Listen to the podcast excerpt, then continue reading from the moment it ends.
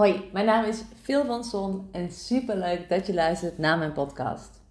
Een podcast voor kennisondernemers zoals coaches, therapeuten en yogadocenten. Ik ben business en life coach en deel heel praktisch over het laten groeien van je online coachbedrijf. Ik ben specifiek gespecialiseerd in webinars en verder deel ik over mindset en dan met name de criticus, oftewel dat negatieve stemmetje en de wet van aantrekking. En in deze podcast eigenlijk iets heel anders. Iets waarvan ik hoop dat ik het zonder te huilen met je ga delen. Ik vind het heel spannend om met je te delen. Ik heb daar eh, heel veel gedachten over dat, het, um, dat, dat ik het niet zou mogen delen. Uh, rationeel gezien weet ik dat dat onzin is. Um, maar ja, ik ben ook niet alleen maar business coach, punt. Ik ben business en life coach. En ik hoop en ik denk ook dat door het delen van dit verhaal je daar uit gaat halen wat je nodig hebt op dit moment. Of dat het, je er iets uit gaat halen wat je gaat onthouden voor een later tijdstip in je leven en dat het dan iets voor je gaat betekenen. En ik ben uh, eh, 6 februari, het is nu als ik het opneem, 7, nee, sorry, 16 februari. En op 6 februari ben ik teruggekomen van Mexico. Ik ben daar samen met Ime, de liefde van mijn leven, vier weken geweest. We hebben daar heerlijk gebackpackt. Het was echt super, super tof. En uh, we hadden heel veel vertraging op de terugweg. Waardoor wij pas nou, zondag 6 februari om 10 uur s avonds in Tilburg aankwamen. En maandag had ik eigenlijk al mijn eerste werkdag. Ik heb daar niet heel goed rekening mee gehouden. Ik had geen afspraken ingepland, maar ik had wel gewoon klantcontact. Um, en ja, gewoon de weekboodschap en het huis schoonmaken en zo. Dus maandag was nog een beetje een soort inkomdag. En dinsdag heb ik toen mijn eerste werkdag gehad. Had ik overigens ook nog geen afspraken. dus ben ik gewoon even lekker ingekomen. En woensdagochtend 9 februari had ik de kick-off met een van mijn nieuwe 1 op 1 klanten. En het was fantastisch. Dat was echt helemaal perfect. Ik voelde ook helemaal, ook naar Mexico. Ik geloof altijd, als ik vier weken ga backpacken, wat ik sowieso één keer per jaar doe, maar wat ik uh, nu samen met mijn vriend twee keer per jaar wil gaan doen, dat hadden we eigenlijk net voordat corona uitbrak, hadden we dat besloten. Um, toen waren we in november in, in Bali en toen hebben we het echt even gehad over ja, ons leven. Hoe zien we dat nu uh, de komende tijd verder voor ons? En toen hebben we besloten van ja, we willen voortaan twee keer vier weken per jaar backpacken buiten Europa. Dus uh, nou, Bali, Mexico, Vietnam. We zijn ook al naar Sri Lanka en Kenia geweest. Dus, dus dat soort landen. En dat hadden we besloten. En toen in maart brak corona uit. Dus toen, uh, toen kon dat niet helemaal doorgaan. Maar nu waren we heel blij dat we weer vier weken naar Mexico konden gaan. En ik voel dan altijd dat ik de eerste twee weken echt ontlaat. En daarna twee weken ga opladen. En ik voel ook dat er een shift in mij is plaatsgevonden. Die ik nog niet heel goed onder woorden kan brengen. Um, maar die bestaat uit twee delen. Um, Zowel in mij als persoon, maar ook in mijn werk. En het eerste deel is dat ik gewoon veel directer mag zijn. Iedereen weet het als ik iets zeg wat direct is, dat het altijd vanuit de meest liefdevolle intentie is. Ik wil, um, ik wil niet meer doekjes ergens omwinden. Niet dat ik uh, dat sowieso uh, al heel erg deed, maar ik, ik ga echt calling you out on your bullshit vanuit een liefdevolle intentie, maar geen doekjes meer omwinden of zo, want daar hebben we allemaal niks aan. Ik, ik vind het zelf ook helemaal niet dienend als mijn coach dat bij mij doet. Dus, dus dat. En het tweede deel is, waar gaat het nou echt over in het leven? Dat. Dus waar gaat het nou echt over? En uh, we willen allemaal zo meer geld en meer en meer en meer is beter. En, en uiteindelijk kom je er dan dus achter dat je dus daar helemaal niet gelukkiger van wordt. En dat je dus eigenlijk van andere dingen veel gelukkiger wordt. Um, dus waar gaat het nou echt om in het leven? Dat zeg maar. En uh, ik wil heel graag een voorbeeld met je delen eigenlijk van een, uh, een coachgesprek wat ik deze week had. Maar dat ga ik nu niet in deze podcast doen, dus dat, krijg je nog te goed van me. Waarin het ook echt heel erg naar voren kwam. Dat we heel erg gefocust zijn op meer, maar dat het eigenlijk, als we nou terug gaan naar de kern, waar gaat het dan echt om? Wat maakt je nou echt gelukkig? En uh, weet je wel, is dat gewoon bij, bij 5000 euro per maand gewoon haalbaar. Dus waarom blijf je dan constant schrijven naar 10 of 20k per maand? Omdat andere mensen dat nou eenmaal doen, weet je wel. Zo, fuck it. Maar dat ben ik echt even voor een andere podcast. Want ik had dus die woensdagochtend 9 februari die fantastische kick-off met mijn nieuwe 1 op 1 klant. En toen had ik lekker geluncht. Ik was alleen thuis, mijn vriend was intern, is militair. En ik was alleen thuis en ik ging de vuilnisbak legen. Dus ik liep met de vuilniszak naar de container. En toen keek ik meteen eventjes in de brievenbus en ik had een kaart gewoon handgeschreven. En vanaf dat moment ging eigenlijk alles heel langzaam in mijn hoofd. Ik was me opeens heel erg bewust van alles wat er is gebeurd. Dus ik had die kaart en ik dacht, oh, schreef ik kaart. Oh, dan, is, dan is het echt een kaartje, dacht ik. ik liep naar binnen en ik opende hem terwijl ik aan de tafel stond in mijn woonkamer. En ik ben zo fucking nieuwsgierig dat ik altijd een kaart van beneden naar boven lees. Omdat ik eerst wil weten van wie die is. En terwijl ik de, de kaart uh, de envelop opengemaakt, kijk naar de kaart. En is eigenlijk gewoon zo'n dubbelgevouwen kaart, wit, met een, uh, met een mooie orchidee of bloem erop. En uh, ik denk eigenlijk van, oh, misschien is die van een klant. Want ja, wie zou, wie zou mij anders een kaartje sturen? Zeg ik heb niet vriendinnen die mij wekelijks een kaartje sturen of zo. En ik open de kaart en ik ga dus van beneden naar boven lezen. En normaal denk je dan, nou, dan komt er een soort liefs of groetjes van iemand. En dat was niet. Er stond gewoon een adres en ik zag... Uh, dat het uit Heukelom kwam. Toen dacht ik, hé, daar woont een, uh, een vriendin van mij. En ik ga verder en ik, ik, die, het ging zo langzaam in mijn hoofd. Ik ga die kaart af en ik zie nog een mooie bloem. En ik zie een, ja, wat staat er in zo'n kaart? Zo'n geboortetekentje en een sterftetekentje. En ik denk alleen maar, hé, hey, dit is een rouwkaart. Maar er kan helemaal niemand dood zijn, dus wie moet er dan zijn? En toen las ik de eerste naam Carlijn. En toen dacht ik van, maar welke, welke Carlijn dan? Want kan, kan niet het, kan niet het Carlijn zijn die, die, nou, die denk, sorry, die ik denk dat het misschien is. En toen las ik haar achternaam. Carlijn Oostrom. Uh, de rouwkaart die ik heb ontvangen, die heeft ook in het Brabants Dagblad gestaan. Dus dit is geen geheim. En toen las ik de zin die daarboven stond.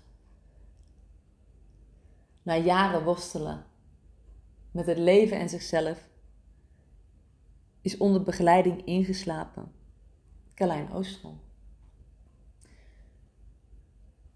En het leek heel even alsof ik van een afstandje of zo naar mezelf keek. En ik, ik voelde dat mijn lichaam dubbel klapte. Dat ik me vasthield aan de tafel. En dat, volgens mij heb ik gewoon heel erg nee geschreeuwd.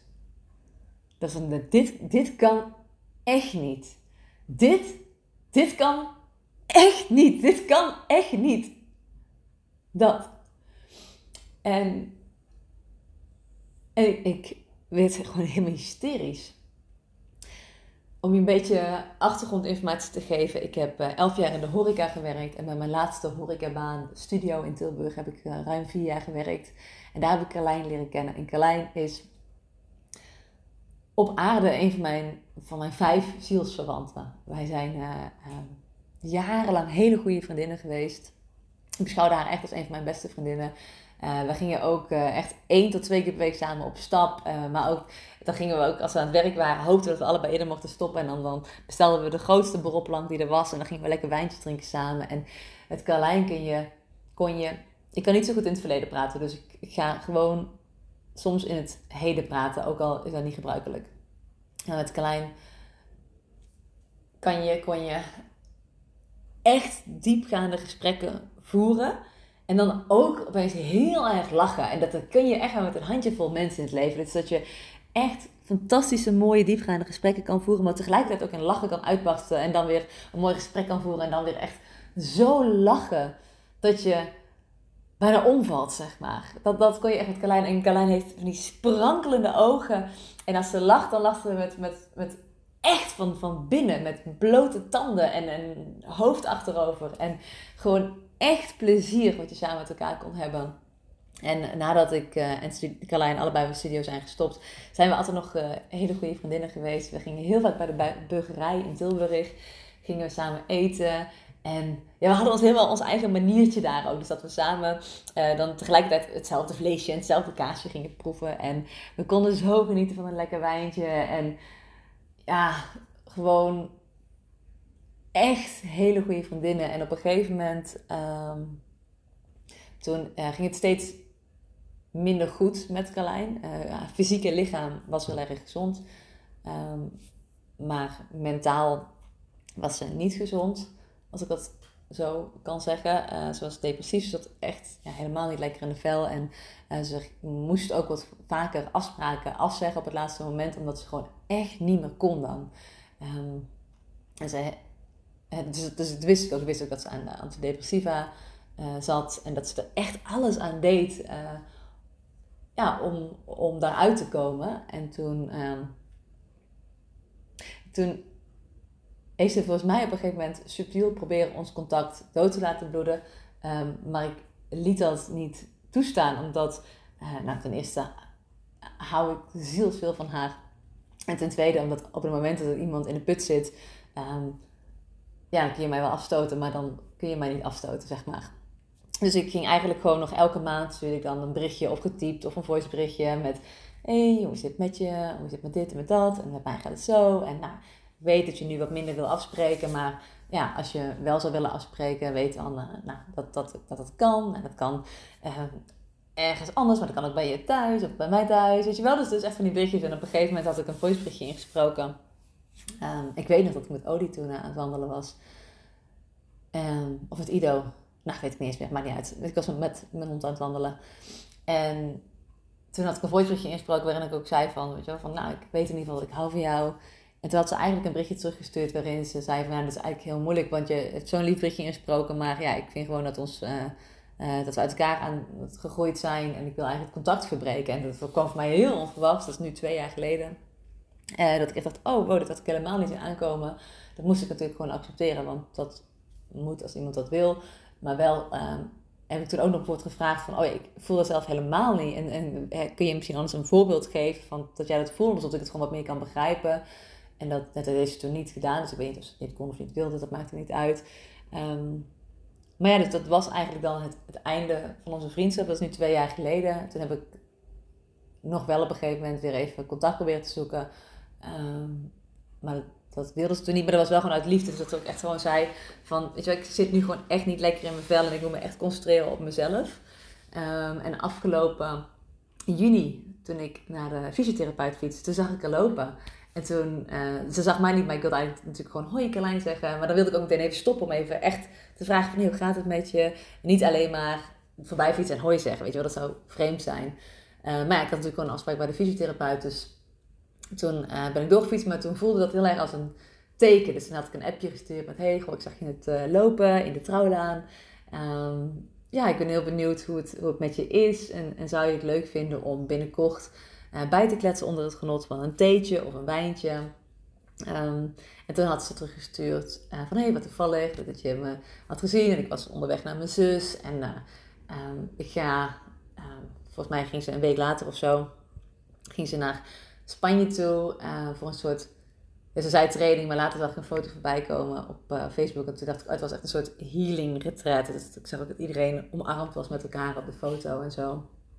Um, dus ze zei van, zal ik dan daarna even uh, erop terugkomen? Vind je dat goed? En toen zei ze ook nog veel plezier in Bonaire. Want ik had gezien op Instagram dat je daarheen ging. En toen dacht ik, oh nou, je ziet dus af en toe nog wel dingetjes van mij voorbij komen. Dus dat gaf me ook wel een fijn gevoel, zeg maar.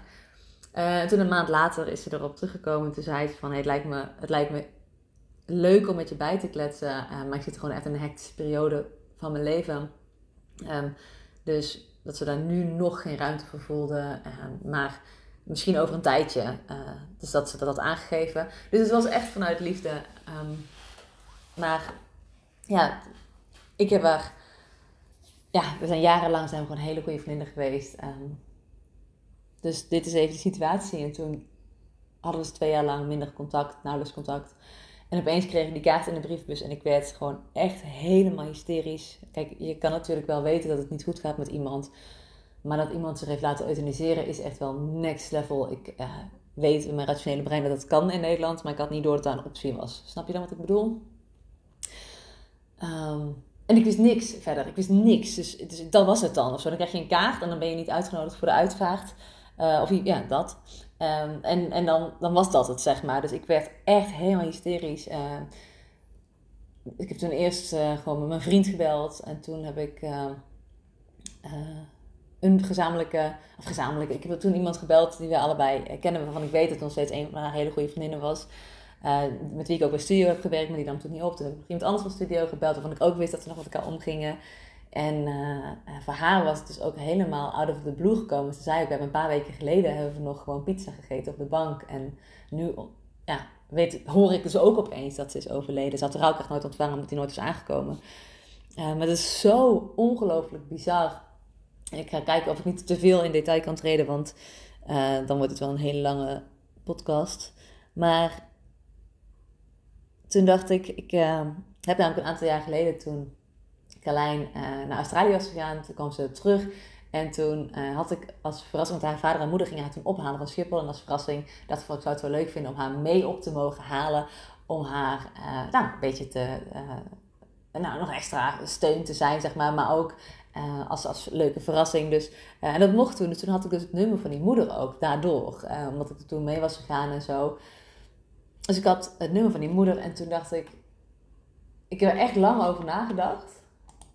Maar toen dacht ik, nee, ik zou wel echt... Want ik hoorde dus van de persoon die ik aan de telefoon had, Cynthia... Dat dus de volgende dag... Want ik had aan de telefoon... Zei ze, oh, dan zit je morgen bij de uitvaart. Toen zei ik, oh, daar ben ik dan dus niet voor uitgenodigd. Maar ik ontving dus echt op woensdag die kaart... En op, echt om twee uur s middags, of drie uur s middags of zo. En om donderdag, de volgende dag om half elf s ochtends was de uitvaart. Uh, en toen dacht ik, oh, ik, ik zou daar wel eigenlijk echt heel graag bij willen zijn. Maar ik wil ook echt niemand lastigvallen met wat ik op dit moment wil. Want als er iets niet toe doet, is het wel wat ik wil op dit moment, weet je wel. Um, dus ik had ook al een, een kaart gepakt. Uh, dat ik dacht, oh, dan kan ik in ieder geval een rouwkaart sturen. Want je wilt toch ergens heen met je gevoel of zo. Maar toen uiteindelijk heb ik wel een berichtje gestuurd. Uh, en daar ben ik heel erg dankbaar voor. Um, ik heb het volgende bericht gestuurd. Ga ik even met jullie delen. Uh, dat is, hey, Anita en Tom. Opende vandaag de brievenbus en vond de rouwkaart van Carlijn. Ik vind het zo ongelooflijk verdrietig. Ik ben al uren aan het huilen. Ik kan me niet voorstellen hoe verdrietig jullie zijn. Wat een intense periode en jaren is het voor jullie. Niet geweest, maar nog steeds. Mijn hart gaat uit naar jullie. Ik weet nog dat ik met jullie mee mocht om Carlijn als verrassing op te halen van Schiphol. Jullie deden echt alles voor haar en ik weet dat ze zo dankbaar voor jullie was. Helaas heeft Carlijn, ik zei drie jaar, maar het was twee jaar. Ik had het toen fout. Helaas heeft Carlijn twee jaar geleden besloten om zijn vriendschap niet verder te zetten. Ze gaf aan dat ze volgens uit elkaar gegooid waren. Ik voelde dat zelf niet en gaf meteen aan dat ik heel veel van haar hou. Ik heb altijd gehoopt dat het nog goed zou komen, omdat Carlijn oprecht een van de mooiste, knapste, bijzonderste, liefdevolste, oprechtste mensen is die ik kende. Met Carlijn kon ik altijd diepgaande gesprekken voeren en huilen van het lachen. Het is mijn grootste verdriet dat Carlijn niet voelde hoe ongelooflijk waardevol ze was, want het was ze zo waardevol. Ik wil jullie vanuit het diepste van mijn hart ongelooflijk veel sterkte wensen. Ik heb begrepen dat de begrafenis morgen is, maar dat jullie die liever in besloten kring houden. Dat is begrijpelijk en dat respecteer ik volledig. Mocht ik toch welkom zijn bij het afscheid, dan zou ik dat heel fijn vinden. Het laatste wat ik wil is jullie belasten met wat ik wil, want daar gaat het uiteraard niet om. Maar mocht de ruimte er zijn, dan ben ik graag aanwezig om afscheid te nemen. Veel liefs, veel van zon. En uh, toen heb ik een berichtje teruggekregen met uh, dat ik welkom was. Uh, dus om, om, half elf s ochtends de volgende dag bij het crematorium in Tilburg. En ik ben zo ongelooflijk dankbaar dat ik daarbij mocht zijn. Het heeft mij, het heeft me gezorgd, het heeft voor mij gezorgd dat ik het een beetje meer een plekje kan geven. Um, en ook, ik heb dus daardoor ook nog meer begrepen hoe ongelooflijk bewust deze keuze gemaakt is dit is echt een, een, traject. Uh, ik weet niet hoe lang het traject heeft geduurd, maar het was echt via de levenseindekliniek. Um, dus daar, daar gaan uh, maanden uh, en misschien wel meer overheen. En ja, de uitvaart zelf had vier liedjes en die had Carlijn zelf uitgezocht. En dat, ja, dat, gewoon, dat was ook prettig dat je dan die muziek kon luisteren, zeg maar. Um, het zijn vier mensen die hebben gesproken, de vader en de moeder en twee goede vriendinnen, waarvan ik er dus eentje ken ook. Um, daar ga ik deze week nog even mee bellen. Dat hadden we nog afgesproken toen we elkaar uh, spraken. Zij wisten er ook van. Dat vind ik ook zoiets bizar, bizars, maar bijzonders tegelijkertijd. Het is dat, dat iemand dan al Even kijken, dat ze had, dat, oh ja, 2,5 maand weet wanneer je dan gaat sterven, zeg maar. Ehm, dat is ook nog een klein stukje tekst wat voorgelezen werd, wat Carlijn zelf had geschreven voor de uitvaart. Um, nou, dat weet ik uiteraard niet meer helemaal, maar wel twee zinnen. En die zinnen die gaan bijna de hele dag door mijn hoofd heen, non-stop. Um, hele verstandige zinnen ook. Carlijn was zo intelligent en zo verstandig en echt een van de mooiste mensen op aarde. Maar de zinnen zijn, wees niet te lang verdrietig om mij. Herinner de leuke momenten met mij. En dat, dat is ook echt zo. Dus natuurlijk begreep ze dat we verdrietig gingen zijn. Maar zei ze, wees niet te lang verdrietig en herinner de leuke momenten met mij. Uh, ik heb ook begrepen uit een van de uh, praatjes die gehouden werd, om het maar even zo te zeggen, dat ze in het ziekenhuis is ingeslapen. En in eerste instantie schrok ik daarvan, want in mijn hoofd, je gaat er toch een beetje een beeld bij bedenken. In mijn hoofd dacht ik dat ze gewoon thuis in bed was ingeslapen met mensen om haar die van haar hielden. Ze is dus in het ziekenhuis ingeslapen, waarschijnlijk ook nog steeds natuurlijk met mensen om haar van, die van haar hielden. Maar um, zodat ze letterlijk al haar organen, al haar weefsels en zelfs haar botten heeft kunnen doneren. Dus ja, dat, dat zegt maar gewoon weer hoe ongelooflijk mooi en lief Carlijn als persoon was. Uh, want haar fysieke lichaam was gezond, dus die, heeft ze echt gewoon gedoneerd nog. Um, en dat tekent ook wel weer voor wat voor ongelooflijke bewuste keuze het was. en op de uitvaart zelf um, was, nou, ik vind het ook altijd wel fijn dat bepaalde dingen een beetje duidelijk worden aangegeven. En toen werd ik aangegeven, nou, iedereen gaat nou naar de zaal toe. Uh, daar was dan koffie en broodjes. En um, dat de, ouders rond gingen lopen, zeg maar. Ja, die komen wel naar jou toe, gaan niet naar hun toe, zeg maar. Dat was gewoon een beetje de mededeling. Nou, dat is top, zeg maar. Fijn dat het duidelijk wordt aangegeven. Uh, overigens, uh, als niemand naar mij toe was gekomen, was dat ook helemaal goed geweest. Ik was alleen maar extreem dankbaar dat ik daar mocht zijn. En toen zag ik op een gegeven moment de moeder en de vader um, ja, rondlopen langs mensen gaan. En toen schrok ik op een gegeven moment. Ik, shit, ik zag, ik dacht te zien dat mensen haar een kaart gaven. En toen dacht ik, oh shit, ik heb geen kaart geschreven. Um, toen ja, dacht ik echt, wel, ben ik ook een faalaap dat ik dus zulke dingen blijkbaar niet weet. En toen keek ik nog eens goed en toen dacht ik, wacht eens even. Die moeder krijgt geen kaarten, die deelt kaarten uit. En toen bleek dus dat Carlijn voor iedereen die was uitgenodigd op de uitvaart een kaart had geschreven. Ik was niet uitgenodigd, dus ik begreep natuurlijk ook meteen dat er geen kaart voor mij was, wat helemaal oké is, echt. Uh, maar, dus, maar weer gaf het even aan dat het dus zo'n ongelooflijk bewuste keuze was. Um, en uh, toen liep, ik stond naast, uh, naast Cynthia en Ilse en we hadden allemaal onze partner bij ons. Um, Iemand had eigenlijk zijn eerste dag uh, op Eindhoven, want dan gaat hij nou één dag per week worden ingewerkt tot in juni of juli daar gewoon begint. Um, maar die heeft hij afgezegd om mee te kunnen gaan. En Imre en ik hebben nu 8,5 jaar verkering. En in die 8,5 jaar heb ik hem drie keer zien huilen. En één daarvan was dus bij de uitvaart van Carlijn dat toen we, nou, ik ben sowieso een grote jankbal. Um, ja, dat is ook logisch. Ik hoef mezelf niet een jankbal te noemen. Dat klinkt een beetje negatief. Ik heb gewoon, het is gewoon unstoppable. Ik zit gewoon um, heel diep. Maar dat, dat iemand ook moest huilen. Um, ja, het is echt ook maar weer wat voor prachtig persoon Carlijn is. En dat ze, uh, nou, ja, iemand kende haar natuurlijk ook van mij. En van, van dat we elkaar tegenkwamen op, op uh, bij het uitgaansleven, maar ook uh, op verjaardagen en dergelijke. Um, maar toen ging die moeder eerst uh, naar Cynthia toe en toen ja, zei ze dus, ik stond daar natuurlijk gewoon naast in principe, dus van, hé, hey, ja, ik kan alleen voor iedereen een kaart geven. En toen gaf ze die kaart, moest Cynthia natuurlijk ook heel erg huilen, wat heel erg logisch is.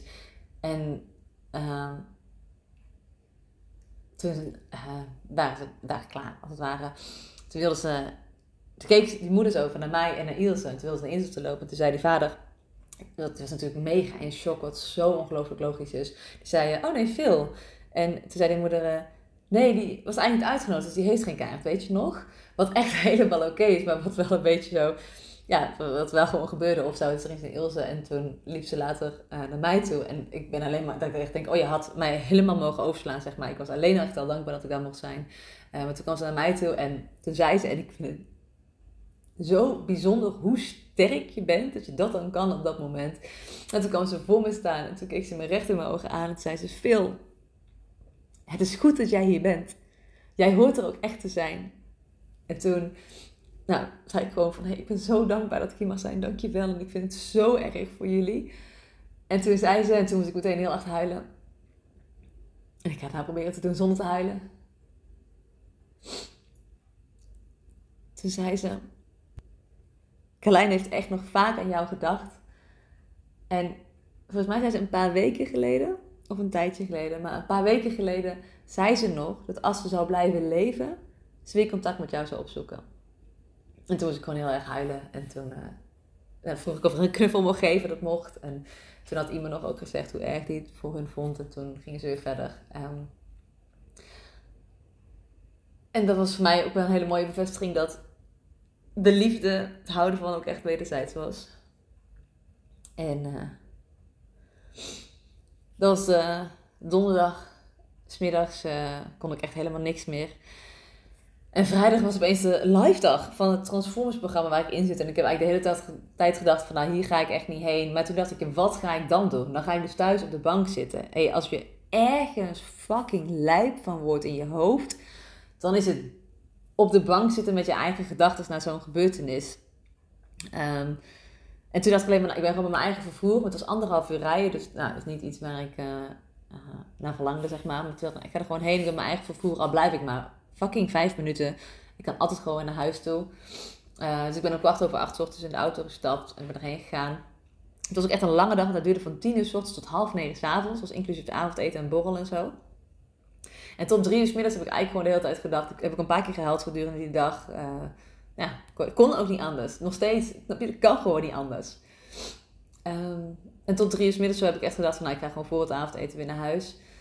Maar uiteindelijk uh, ben ik wel gebleven. En, en uiteindelijk heb ik dus ook gelachen. Dus niet zo haha, maar echt ook gelachen. En toen schrok ik tijdens het lachen, schrok ik en dacht ik, maar mag dit wel? Mag ik dan nu wel opeens lachen? En ik weet rationeel gezien allemaal dat dit allemaal erbij hoort bij het rouwproces. Maar ik schrok er wel van. Dat ik dacht, oh ja, maar mag, mag ik dan nu wel lachen? En, en, en ook schrok ik weer van, oh ja, dit hoort erbij of zo. Dat het echt een heel proces is. En op een gegeven moment uh, waren er twee mastermind groepjes uh, waar ik in zat. En ik zei, nou, ik heb echt geen vragen over mijn business of zo, weet je wel. Zo, ik, uh, ik kan letterlijk niet nadenken. Ik kom net vier weken ben ik in Mexico geweest en nu is dit mijn situatie. Dus ik, ik ben hier echt niet om over mijn business te gaan lopen brainstormen of zo. Misschien meer uh, over de zin van het leven of zo. Maar, dus ik ben gewoon heel blij dat ik met hun kon meedenken. Dat kon ik echt in mijn zinnen verzetten. En op een gegeven moment schrok ik, want toen dacht ik... Ik heb nu een uur niet aan Carlijn gedacht. En toen schrok ik weer heel erg. Dat ik, dat ik nou, daar schrok ik gewoon van. Um, maar ik ben wel heel, nou, het raakt me nu ook, maar ik ben wel heel blij dat ik toen ben gegaan. Um, en ik weet even niet, uh, ja, dat was dat weekend. Ja, dus dan ben ik, uh, zaterdag of zondag ben ik, s ochtends was ik Odie op een gegeven moment aan het uitlaten, mijn hond. En toen uh, was hij lekker even in het losloopveldje aan het spelen met zijn bal en lekker aan het graven. En ik zie met enige regelmaat, laten we zeggen, zo'n, uh, weet ik veel, één keer per maand of zo, zie ik wel eens een eekhoorntje. Dus dat, dat is gewoon bekend, zeg maar. Maar nu keek ik en toen zag ik twee eekhoorntjes spelen. En ik heb nog nooit in mijn leven twee eekhoorntjes zien spelen. En ze waren aan het spelen en ik zag ze echt een tijdje. Ze waren echt aan het spelen en elkaar achterna aan het rennen. En de eekhoorntjes zijn een beetje, een beetje roodachtig. En Carlijn had ook een beetje rossig haar. En ik moest meteen aan Carlijn denken. En ik voelde gewoon, en dit is helemaal oké als je nu denkt, wat een bullshit, ik geloof hier niet in. Het boeit me eigenlijk niet zo heel veel als je er dan denkt. Um, maar, maar ik wist meteen, dit heeft Carlijn naar mij gestuurd. Dat ik dit mocht zien. Dat, voor mij voelde dat echt helemaal zo van, dat wij dat waren. En dat onze vriendschap echt heel veel heeft betekend. Niet alleen voor, voor mij, maar ook voor haar. En dat ik dus niet de enige was, weet je wel, die, die, die vriendschap heel veel betekenis aangaf. En dat, toen dacht ik van ja, ik, ik, heb dan geen kaart ontvangen. Ik ben overigens wel heel nieuwsgierig wat er in, de, in die kaart stond die mensen hebben ontvangen. Um, maar ik heb die dan misschien niet gekregen, maar ik heb die twee spelende eekhoorns mogen zien. En die boodschap die Carlijn daarmee stuurde, die heb ik ontvangen. En dat heeft me ook heel goed gedaan. Um, voelt heel gek. Ik heb ja, ook heel veel contact gehad met mensen hierover. Om, uh, omdat ik echt moest, moest praten. Uh, maar ook om uh, twee mensen op de hoogte te brengen waarvan ik wist, hey, die hebben goed contact gehad met Carlijn. En ik voelde al de hele tijd, die weten het niet. Um, want ja, veel mensen hebben het in Brabants Dagblad zien staan. En ja, veel mensen hebben het tegen elkaar verteld. En ja, mensen hebben ook de rouwkaart ontvangen. Maar heel veel mensen weten het ook gewoon niet. Um, en hoe ik het laatste wat ik iemand gun, is toch wel dat je over een paar weken of een paar maanden door de stad loopt en dat iemand het dan opeens benoemt en dat jij het dan nog steeds niet weet. Ja, dat vind ik echt, lijkt me afschuwelijk.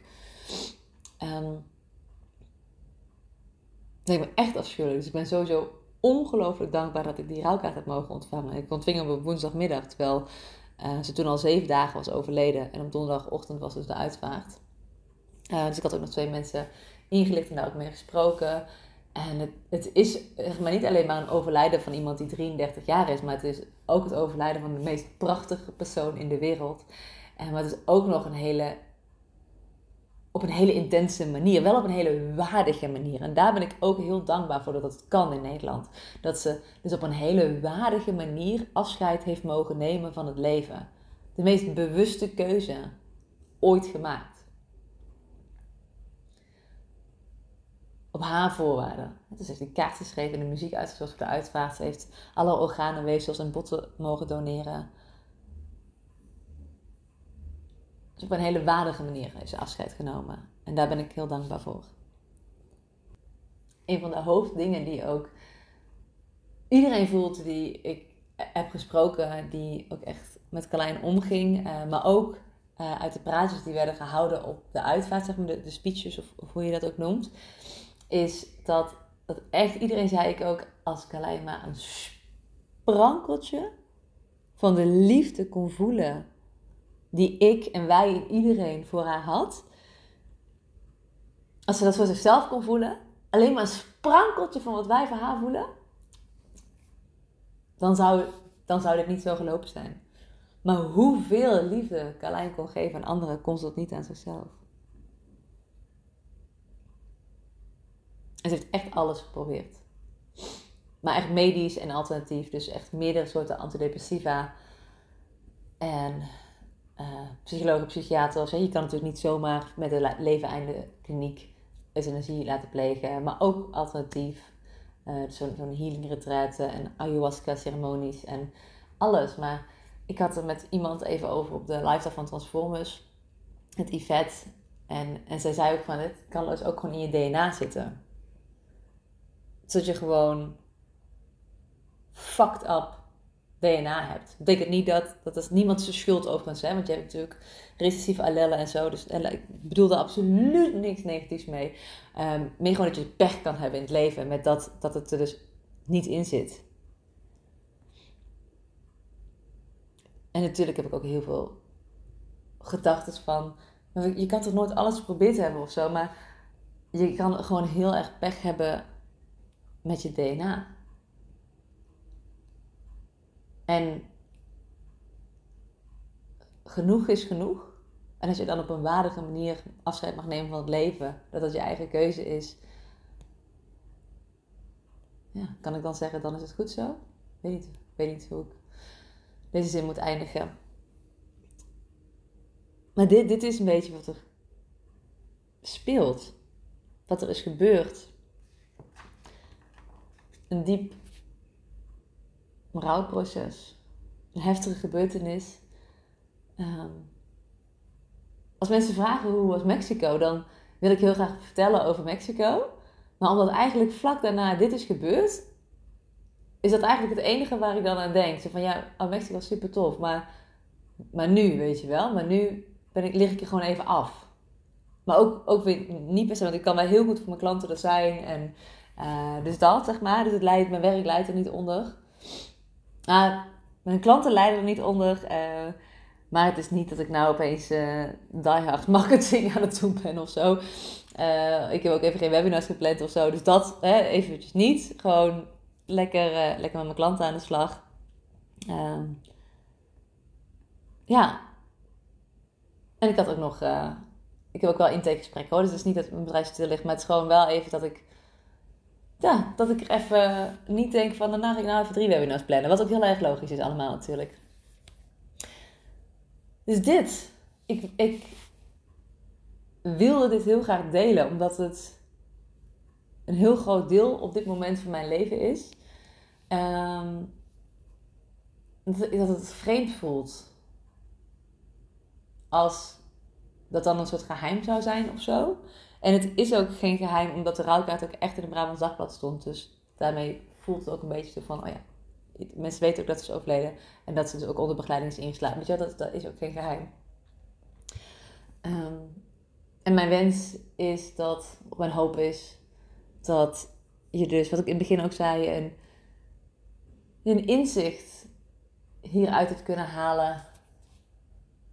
Of dat over een tijdje iets van wat ik heb gezegd je gaat helpen. Hierdoor. Dus waar ik normaal altijd mijn podcast afsluit met een of andere eh, call to action, ehm, ga ik dat nu niet doen. Hoewel trouwens, als je met mij privé zou willen delen via een, uh, een DM op Instagram, uh, iets hierover, ehm, weet dan dat ik dat, dat het alleen maar heel erg welkom is. Dus dat, dat wil ik dan nog wel zeggen. En dan voor nu, bedankt voor het luisteren. En wens ik je een hele fijne dag.